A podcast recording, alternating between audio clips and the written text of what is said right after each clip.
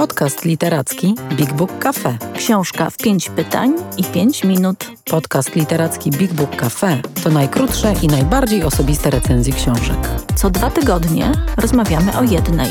Pytamy wprost, a odpowiadamy szybko I szczerze.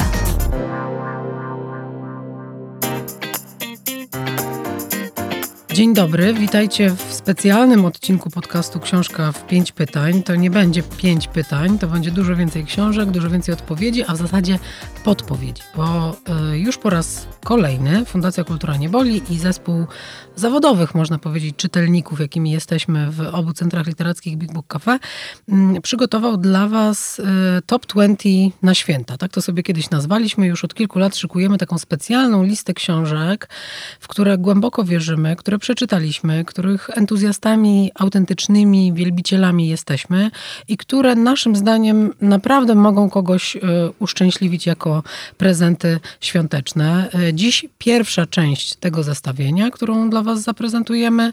W następnym odcinku druga dziesiątka. Mamy nadzieję, że to nasze zestawienie będzie dla Was interesujące, ale też pomocne. Ten podcast, jak wszystkie nasze podcasty, nagrywamy dzięki e, wsparciu patronek i patronów. Bardzo Wam dziękujemy za to, że z nami jesteście, za to, że wspieracie nie tylko nasze nagrania, ale ponad 200 wydarzeń otwartych i bezpłatnych, które tworzymy co roku dla entuzjastów e, literatury.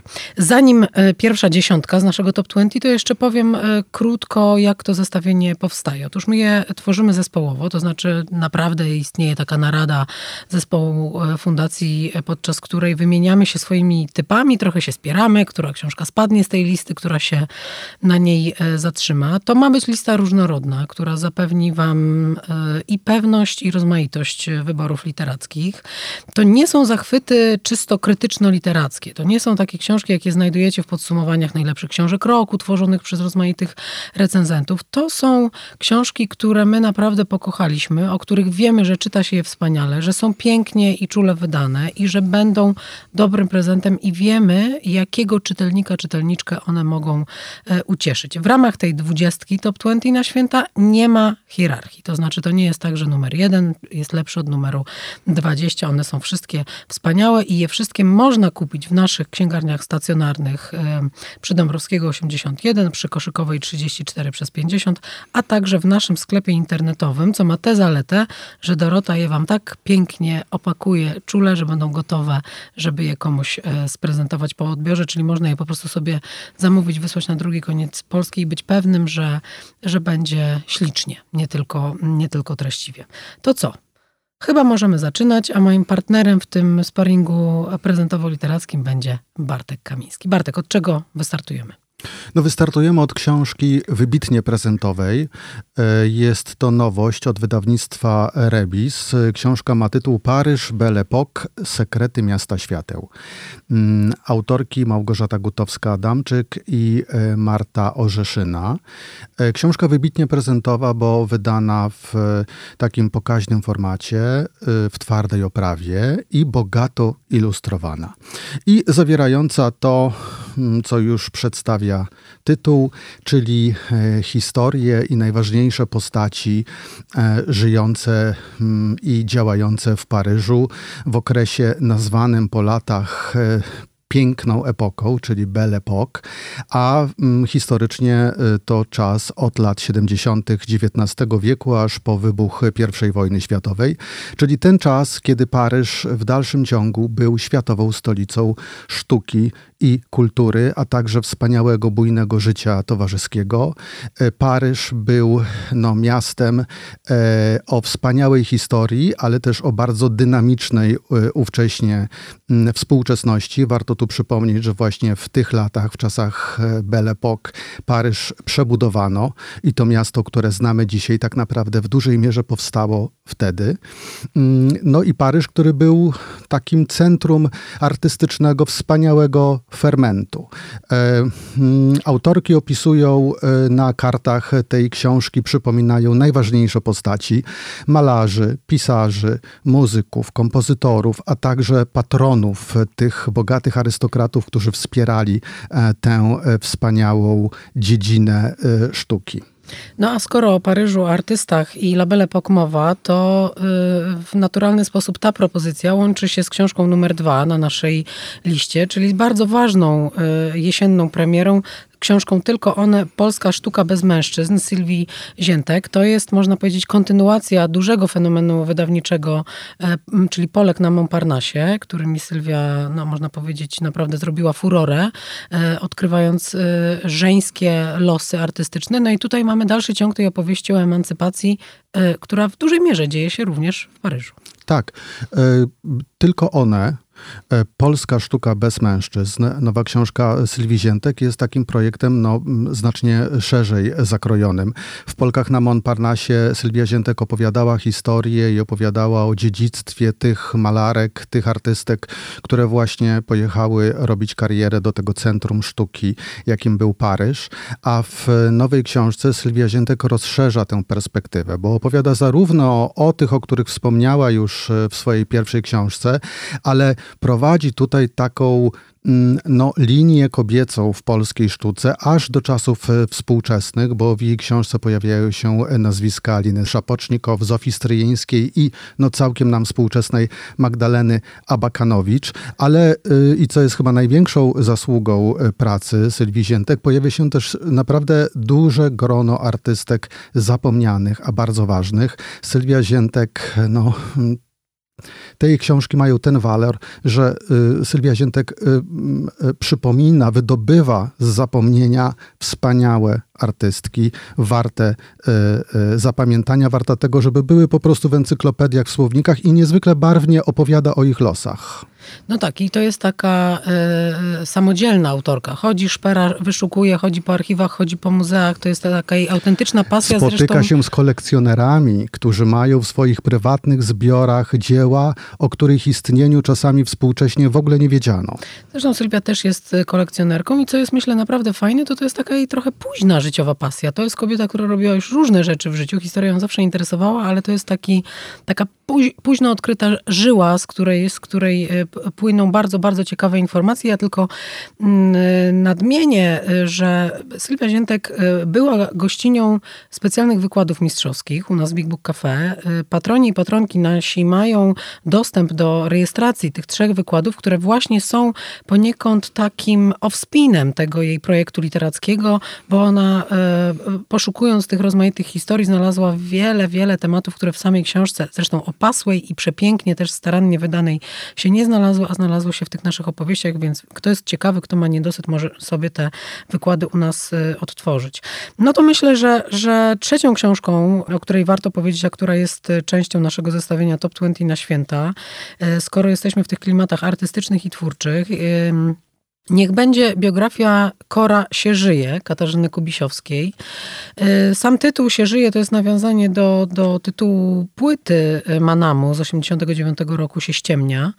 Y, Katarzyna Kubisiowska, mam poczucie, napisała mm, biografię Kory szybko, ale napisała ją na poważnie, wykorzystując całe swoje doświadczenie dziennikarskie i taki bigiel, z którym umie pracować i swoją wytrwałość i dociekliwość, bo poszła do wielu ludzi, dotarła do korespondencji, do relacji, do opowieści wielu osób, którym Kora była bliska, a te osoby nie zawsze są ze sobą nawzajem w dobrych relacjach. Y, można oczywiście zapytać, czy jest coś o Korze do powiedzenia, czego nie wiemy, bo, bo i ona była bardzo popularną osobą i twórczynią i taką niekryjącą się z tym, co myśli, co czuje, co uważa o świecie. A jednak Kobisiowska mówi, że bardzo wiele ją zaskakiwało w trakcie e, pracy nad tą książką. E, mówi między innymi o tym, że Kora była naprawdę dwoistą postacią. Potrafiła być niezwykle kochająca, czuła, wrażliwa, a za chwilę być naprawdę silna, ostra, nieprzyjemna i ta dwoistość y, tej wojowniczo-czułej natury się w rozmaitych relacjach y, o niej y, powtarza. To jest w ogóle epicki życiorys. No jednak dziewczynki, która się rodzi w rodzinie doświadczonej traumą wojenną, wychowuje się u sióstr zakonnych, bo, bo, bo mama ciężko choruje, doświadcza przemocy psychicznej, fizycznej, podnosi się z tego, staje się niesłychanie ważną nie tylko artystycznie, ale politycznie postacią w Polsce i, i pozostaje inspiracją dla, dla wielu osób do końca. To jest fascynujący życiorys, któremu Kubiszowska Polska z całym swoim znakomitym warsztatem dziennikarskim oddała sprawiedliwość, co ciekawe, na niewielu stronach. To nie jest sążnista książka, tylko taka do przeczytania z wypiekami w dwa wieczory. No a tę listę y, wspaniałych życiorysów, y, które y, budzą do dziś wielkie emocje i wielkie zainteresowanie, można uzupełnić książką, którą przynosi nam e, wydawnictwo Marginesy. To jest książka Moje życie z Simoną Kossak, e, Lecha Wilczka. Lech Wilczek był towarzyszem życia Simony Kossak przez wiele, wiele lat. Dzielił z nią to życie w Puszczy Białowieckiej w słynnej, legendarnej leśniczówce e, Dziedzinka, którą zmienili w mm, takie schronisko dla wielu gatunków e, e, zwierząt, ptaków. Mamy na rynku już sporo książek poświęconych Simonie Kossak, na czele z jej własnymi książkami. Mamy wspaniałą biografię e, tej e, przyrodniczki, osoby, która przez całe życie walczyła właśnie o e, zachowanie tego ekosystemu w oryginalnym kształcie, jakim jest Puszcza Białowieska. Ale ta książka Lecha Wilczka uzupełnia wspaniale tę opowieść, ale uzupełnia ją też fenomenalnymi zdjęciami. To właśnie Lech Wilczek e, robił te zdjęcia, te ikoniczne e, obrazy z dziedzinki, z Puszki Wspaniałe Białowieckiej. Zupełnie. Tak, to są jego autorstwa. I ta książka, Moje życie z Simoną Kosak, przynosi bardzo wiele z tych wspaniałych, najsłynniejszych zdjęć. To jest takie, no można nawet powiedzieć, albumowe wydanie. Więc myślę, że dla wszystkich, którzy e, e, e, lubią przenosić się w czasie i w przestrzeni i dla tych, którym e, bliskie jest przesłanie e, Simone Kossak, będzie to wspaniały prezent. Szczególnie, że on potrafił portretować ją w jakiś niesłychanie intymny sposób w przyrodzie i, i, i, ze zwierzętami. To ja dorzucę do tych rekomendacji biograficznych, bo w końcu książki biograficzne to są jedne z naj, najczęściej, najchętniej kupowane e, pozycji na, na prezenty. Jakoś lubimy, lubimy obdarowywać bliskich losami innych osób, bo one rzeczywiście nas, nas wciągają i są, są świetnym przyczynkiem do refleksji o, o naszym życiu po prostu. Um, ukazuje się u nas bardzo szybko, muszę powiedzieć błyskawicznie po, po, po po światowej premierze wrześniowej zaledwie przełożona na polski potężna sążnista biografia Elon Musk, e, biografia e, Waltera Isaacsona. To jest ten doświadczony, już też leciwy amerykański dziennikarz, który dał nam e, no, inne bestsellery biograficzne, bo między innymi historię Steve'a Jobsa, Leonardo da Vinci, Alberta Einsteina, Benjamina Franklina. To wszystko były bestsellery. Wiemy, że tu jesteśmy w rękach prawdziwego zawodowca, który potrafi życiorys zebrać i też no, do, doszperać się rozmaitych y, szczegółów niekoniecznie znanych, no bo z jednej strony e, Elon Musk jest osobą, no jedną z najczęściej w ogóle pojawiających się w przestrzeni publicznej, wspominanych, no, należy do najbogatszych ludzi na świecie, chociaż ostatnio jego majątek ze względu na, na malejące przychody jednej z jego firm tam troszeczkę stopniał jakieś 44 miliardy dolarów, ale cóż to jest dla człowieka tak zamożnego? No on bardzo często jednak ląduje na tym topie, czyli, czyli jest osobą najbogatszą na świecie, stworzył e, Tesla, Wysyła, chce wysyłać ludzi na Marsa, no i, i kupił Twittera, zmienił go w serwis X, e, raczej z niepowodzeniem dla tego serwisu na razie, no ale zobaczymy, co będzie dalej. Książka jest potężna, jak powiedziałam, blisko 700 stron. E, myślę, że taką osią tej opowieści jest pytanie o to, czy my mamy do czynienia w przypadku Maska z geniuszem, czy z Hochstaplerem, to znaczy szaleńcem, który właściwie jakoś świat nabrał. E, I mm, Isaacson dość poważnie tropi ten wątek, pokazując, jak doszło do przełomu przełomowych, innowacyjnych pomysłów, w których e, Musk odegrał kluczową rolę. Jak doszło do powstania jego firm? No bo on jest takim szalonym, ale jednak kreatorem i, i, i wpływa na losy bardzo wielu ludzi. Ciekawe są ambicje takie psychologiczne autora, który próbuje pokazać, że Musk, który był dzieciakiem trudnym w kontakcie, nie mającym przyjaciół, doświadczającym rozmaitych form bullyingu i wykluczania i wielu, wielu przykrości, e, dzieciakiem mającym fatalne relacje z ojcem, zmienił się w człowieka, który postanowił, że jeśli nie jest kochany na podwórku, to je po prostu kupi i będzie nim zarządzał. Więc to jest e, e, jednak wielka, wielka ambicja. Pytanie, czy, czy nie jakoś odwetowa.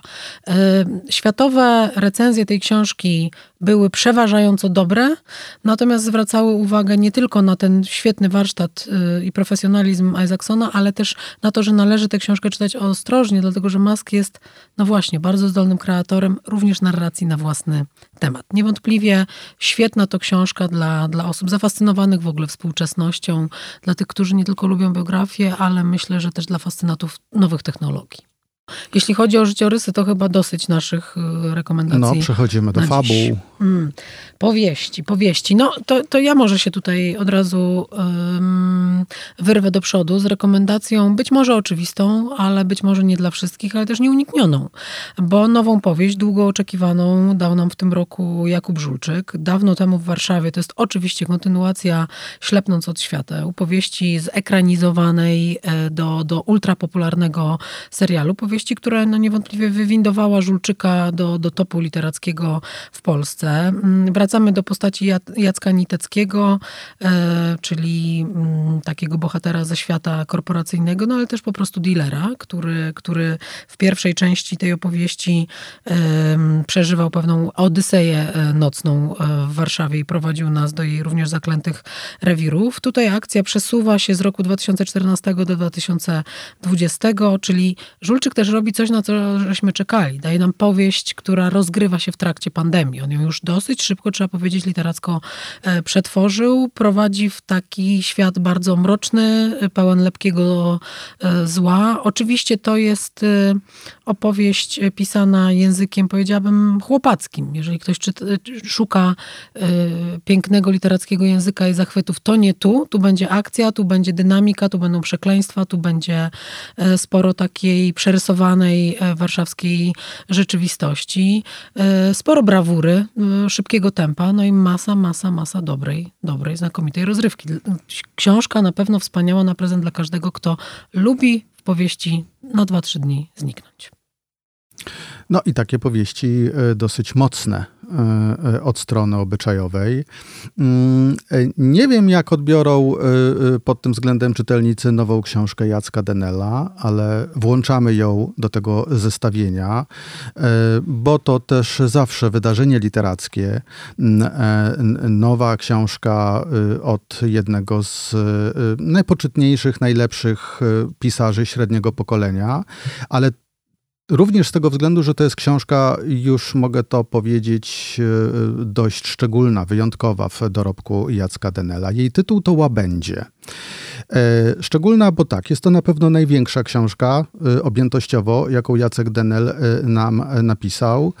800 stron, dwa tomy, ale wydane w jednej książce w dość szczególny sposób, bo y, należy odwrócić książkę na drugą stronę i do góry nogami, żeby czytać drugi tom. E, w tych tomach są, e, jest niesamowita wprost opowieść, e, obejmująca prawie 100 lat i opowieść, która się y, z jednego tomu na drugi uzupełnia.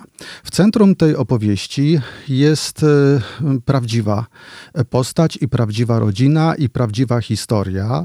Słynna y, z czasów PRL-u historia przemytników dzieł sztuki, czyli rodziny Mętlewiczów, ochrzczonych przez PRL-owskie media gangiem złotogłowych. Jak wstukamy w wyszukiwarkę internetową e, to hasło, to wyskoczy nam, że gang złotogłowych stworzyli warszawscy i wiedeńscy znawcy sztuki oraz brazylijscy dyplomaci. W latach 60. przez szczelną granicę PRL-u przeszmuglowali 16 ton złota i setki cennych obrazów. Szkody, jakie wyrządzili polskiej kulturze, prokurator porównał do strat II wojny światowej. No brzmi to ekscytująco. Była to rzeczywiście jedna z takich flagowych spraw sądowych w czasach PRL-u, w której e, głowę tej rodziny Witolda Mentlewicza, uznanego właśnie za głównego głównego mm, tutaj spin doktora całej tej afery skazano na więzienie. Jacek Denel opowiada historię tej rodziny, mm, wybiegając e, e, przed tę aferę i e, komentując to, co się stało później, ale wplata w tę historię historię własnej rodziny, ponieważ jak się okazuje, łączy jego rodzinę z rodziną Mętlewiczów pewne pokrewieństwo.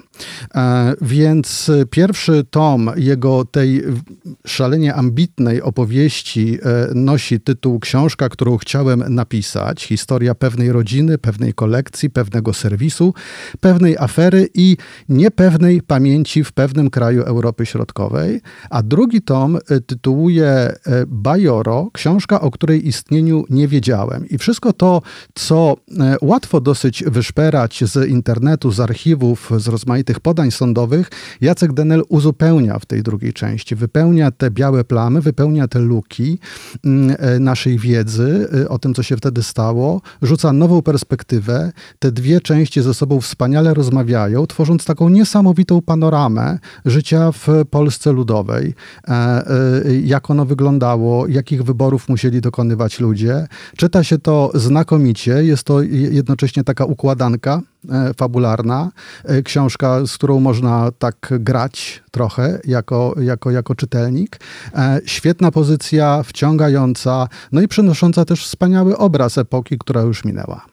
No to to są też książki, które kochamy y, czytać w okresie świątecznym i kochamy dawać innym w prezencie czymś być może podobnym, w tym sensie takiego dużego fresku nie tylko dziejów rodziny, ale też e, kontekstu społecznego i historycznego, mm, jak to, o czym mówiłeś u Denela, jest e, propozycja Patryka e, Radena Kifa, moim zdaniem jeden z najlepszych reportaży, jakie się w tym roku w Polsce ukazały, czyli Imperium Bólu, baronowie przemysłu farmaceutycznego. To jest ta historia, o której było czy jest głośno od kilku lat, czyli e, opowieść o imperium rodziny Sacklerów, ludzi bezpośrednio osobiście odpowiedzialnych za rozpętanie kryzysu opioidowego, w którym umarło ponad pół miliona Amerykanów i umierają kolejne fale osób uzależnionych pierwotnie od leku Oxycontin, a później od rozmaitych pochodnych. Dzisiaj to już idzie kolejna fala uzależnienia już od fentanylu, czyli już od, od sztucznych narkotyków. E, właściwie Stany Zjednoczone można powiedzieć, że się pogrążyły w zupełnie zupełnie nowym, gigantycznym kryzysie zdrowia publicznego, największym chyba od,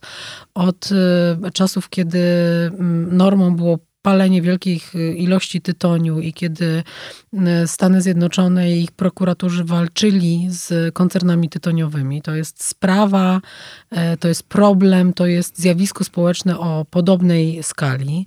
Patrick Radden Keefe jest bardzo doświadczonym amerykańskim e, reporterem, który opowiada nam historię od założyciela, całej tej firmy i tej rodzinnej historii Artura Sacklera, potomka notabene polskich Żydów, który y, wymyślił sobie taki koncept, że stworzy firmę, która z jednej strony jest firmą farmaceutyczną, a jednocześnie jest koncernem marketingowym. To był bardzo śmiały, bardzo wizjonerski, diabelski wręcz pomysł.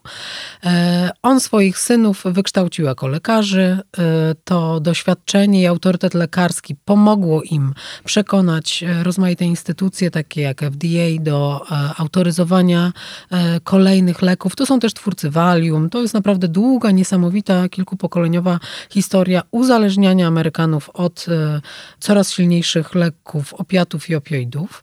Jest to też historia pychy rodzinnej, bo to była rodzina, która budowała potęgę na swoim nazwisku i dla swojego nazwiska. E, paradoksalnie nie dzięki potwornej skali problemu, który wywołali, potwornej skali nieszczęść i śmierci, nie dzięki walce prawniczej, którą sprytnie ogrywali dzięki takiemu, a nie innemu systemu, systemowi prawnemu w Stanach Zjednoczonych, a dzięki uporowi artystów, takich jak Nan Goldin, oni stracili w końcu swoje tabliczki w muzeach rozmaitych, w których mieli swoje prestiżowe galerie, e, systemy stypendialne itd., tak itd. Tak Zanim się ten świat amerykańskich szacownych instytucji odwrócił od bardzo E, potężnej finansowo rodziny Sacklerów. Naprawdę e, dużo ludzi musiało umrzeć, dużo wody w Potomaku i innych amerykańskich rzekach musiało upłynąć. Fascynujący, wyczerpujący, potężny też opasły e, tom reportażowy. Dużo tych grubych książek w tym roku polecamy, bo to, to jest w ogóle tendencja na, na rynku wydawniczym, no ale to jest też taka, wydaje nam się, wa ważna sprawa, bo lubimy dawać książki jakoś pełne, takie, takie kompletne w prezencie. Może na koniec dzisiejszego odcinka pozycje 9 i 10 na, na naszej liście to będą takie trochę historie z innej bajki. E, najpierw coś dla ducha, a potem coś dla ciała. Jeśli chodzi o ducha, to wydaje nam się, że bezkonkurencyjną w tym roku propozycją jest e, specjalne wydanie Wiersze Wszystkie Wisławy Szymborskiej. No, kończy się rok, tak, w którym... Rocznicowa kolekcja Tak, w tym Wszystkiego, roku co stworzyła noblistka. Dokładnie, celebrujemy jej, jej stulecie jej urodzin. Tutaj mamy wszystko. Od debiutanckiego Szukam Słowa, przez kolejne 14 tomów jej, jej poezji wydawanych przez całe życie, y, ze świetnym komentarzem znawcy jej wierszy, czyli profesora Wojciecha Ligenzy.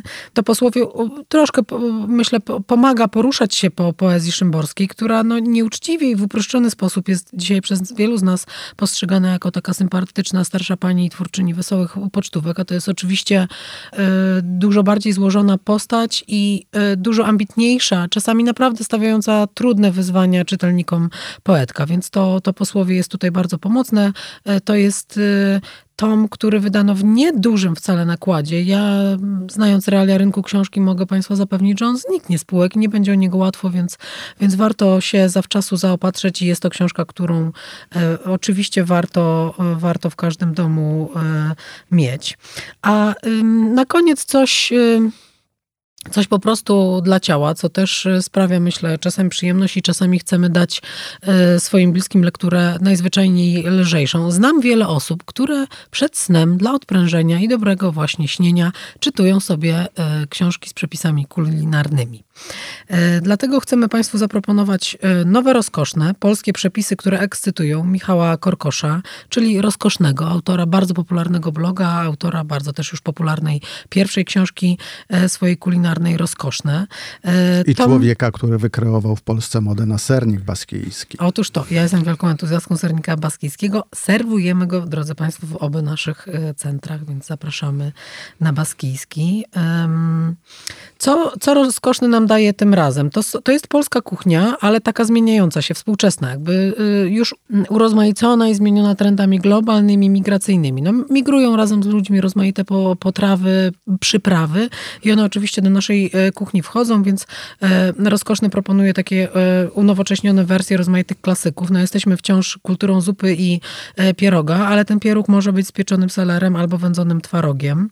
Dodajemy do swoich rozmaitych tradycyjnych potraw jednak nowoczesne składniki, w związku z czym można sobie zjeść kopytka ze szpinakiem, w sosie na bazie grzybów, nie wiem, miso, e, sosu sojowego albo, albo takie klasyczne e, pampuchy, no ale nadziewane na przykład boczniakami i bobem, a do tego można sobie zrobić e, sos z bliskowschodniej tahini. I tym, tym się e, rozkoszny zajmuje w tej nowej książce, oczywiście wydanej w twardej oprawie, pysznie, atrakcyjnie zil- zilustrowanej, więc dla tych, którzy kochają się e, uraczyć nie tylko przed snem, no ale też oczywiście to są, to są e, praktyczne, łatwe do wprowadzenia w życie w naszych kuchniach przepisy. To taka propozycja na naszej liście e, Top 20 też jest. To był numer 10 i chyba na dzisiaj pozwolimy Państwu odetchnąć. Sprawdźcie proszę tę pozycję mm, na naszej liście. Ona jest dostępna w księgarni naszej internetowej, księgarnia bigbookcafe.pl. To jest to miejsce, w którym o, o wszystkich tych książkach można przeczytać więcej i się im przyjrzeć. Oczywiście te książki mają już swoje specjalne regały i specjalne miejsca w obu naszych księgarniach przy Dąbrowskiego i e, przy Koszykowej, także zapraszamy Was serdecznie. Nie tylko zresztą po te książki, bo staramy się towarzyszyć Państwu w dobrych wyborach książkowych i literackich właśnie w tym okresie świątecznym. Specjalnie też dla Was będziemy dyżurować e, w obydwa gorące weekendy grudniowe, 16 i 17 grudnia, a także 23 i 24 grudnia prowadzimy nasze już tradycyjne pogotowie literackie i pogotowie wigilijne. Będziemy my, będzie nasz zespół w obu księgarniach czekał na Państwa. Naprawdę potrafimy uszczęśliwić e, dobrze trafionym prezentem nawet w 5 minut, jeżeli będziecie w popłochu już w ostatniej chwili te prezenty kupować. A wiemy z doświadczenia z ostatnich lat, że e, czytelnicy spragnieni prezentów na ostatnią chwilę pojawiają się u nas do ostatniej chwili, czyli do godziny 14 w samą Wigilię. Będziemy dla Was, jesteśmy codziennie, wirtualnie i realnie. Zapraszamy. A druga część naszego Top 20 w następnym odcinku. Zapraszamy. Dziękujemy. Więcej o książkach opowiemy Wam osobiście, jeśli odwiedzicie Big Book Cafe, czyli księgarnię, kawiarnię i Centrum Wydarzeń Literackich. Wejdźcie na bigbookcafe.pl lub odwiedźcie nasz profil na Facebooku. Big Book Cafe. Czytam, Gadam. żyję.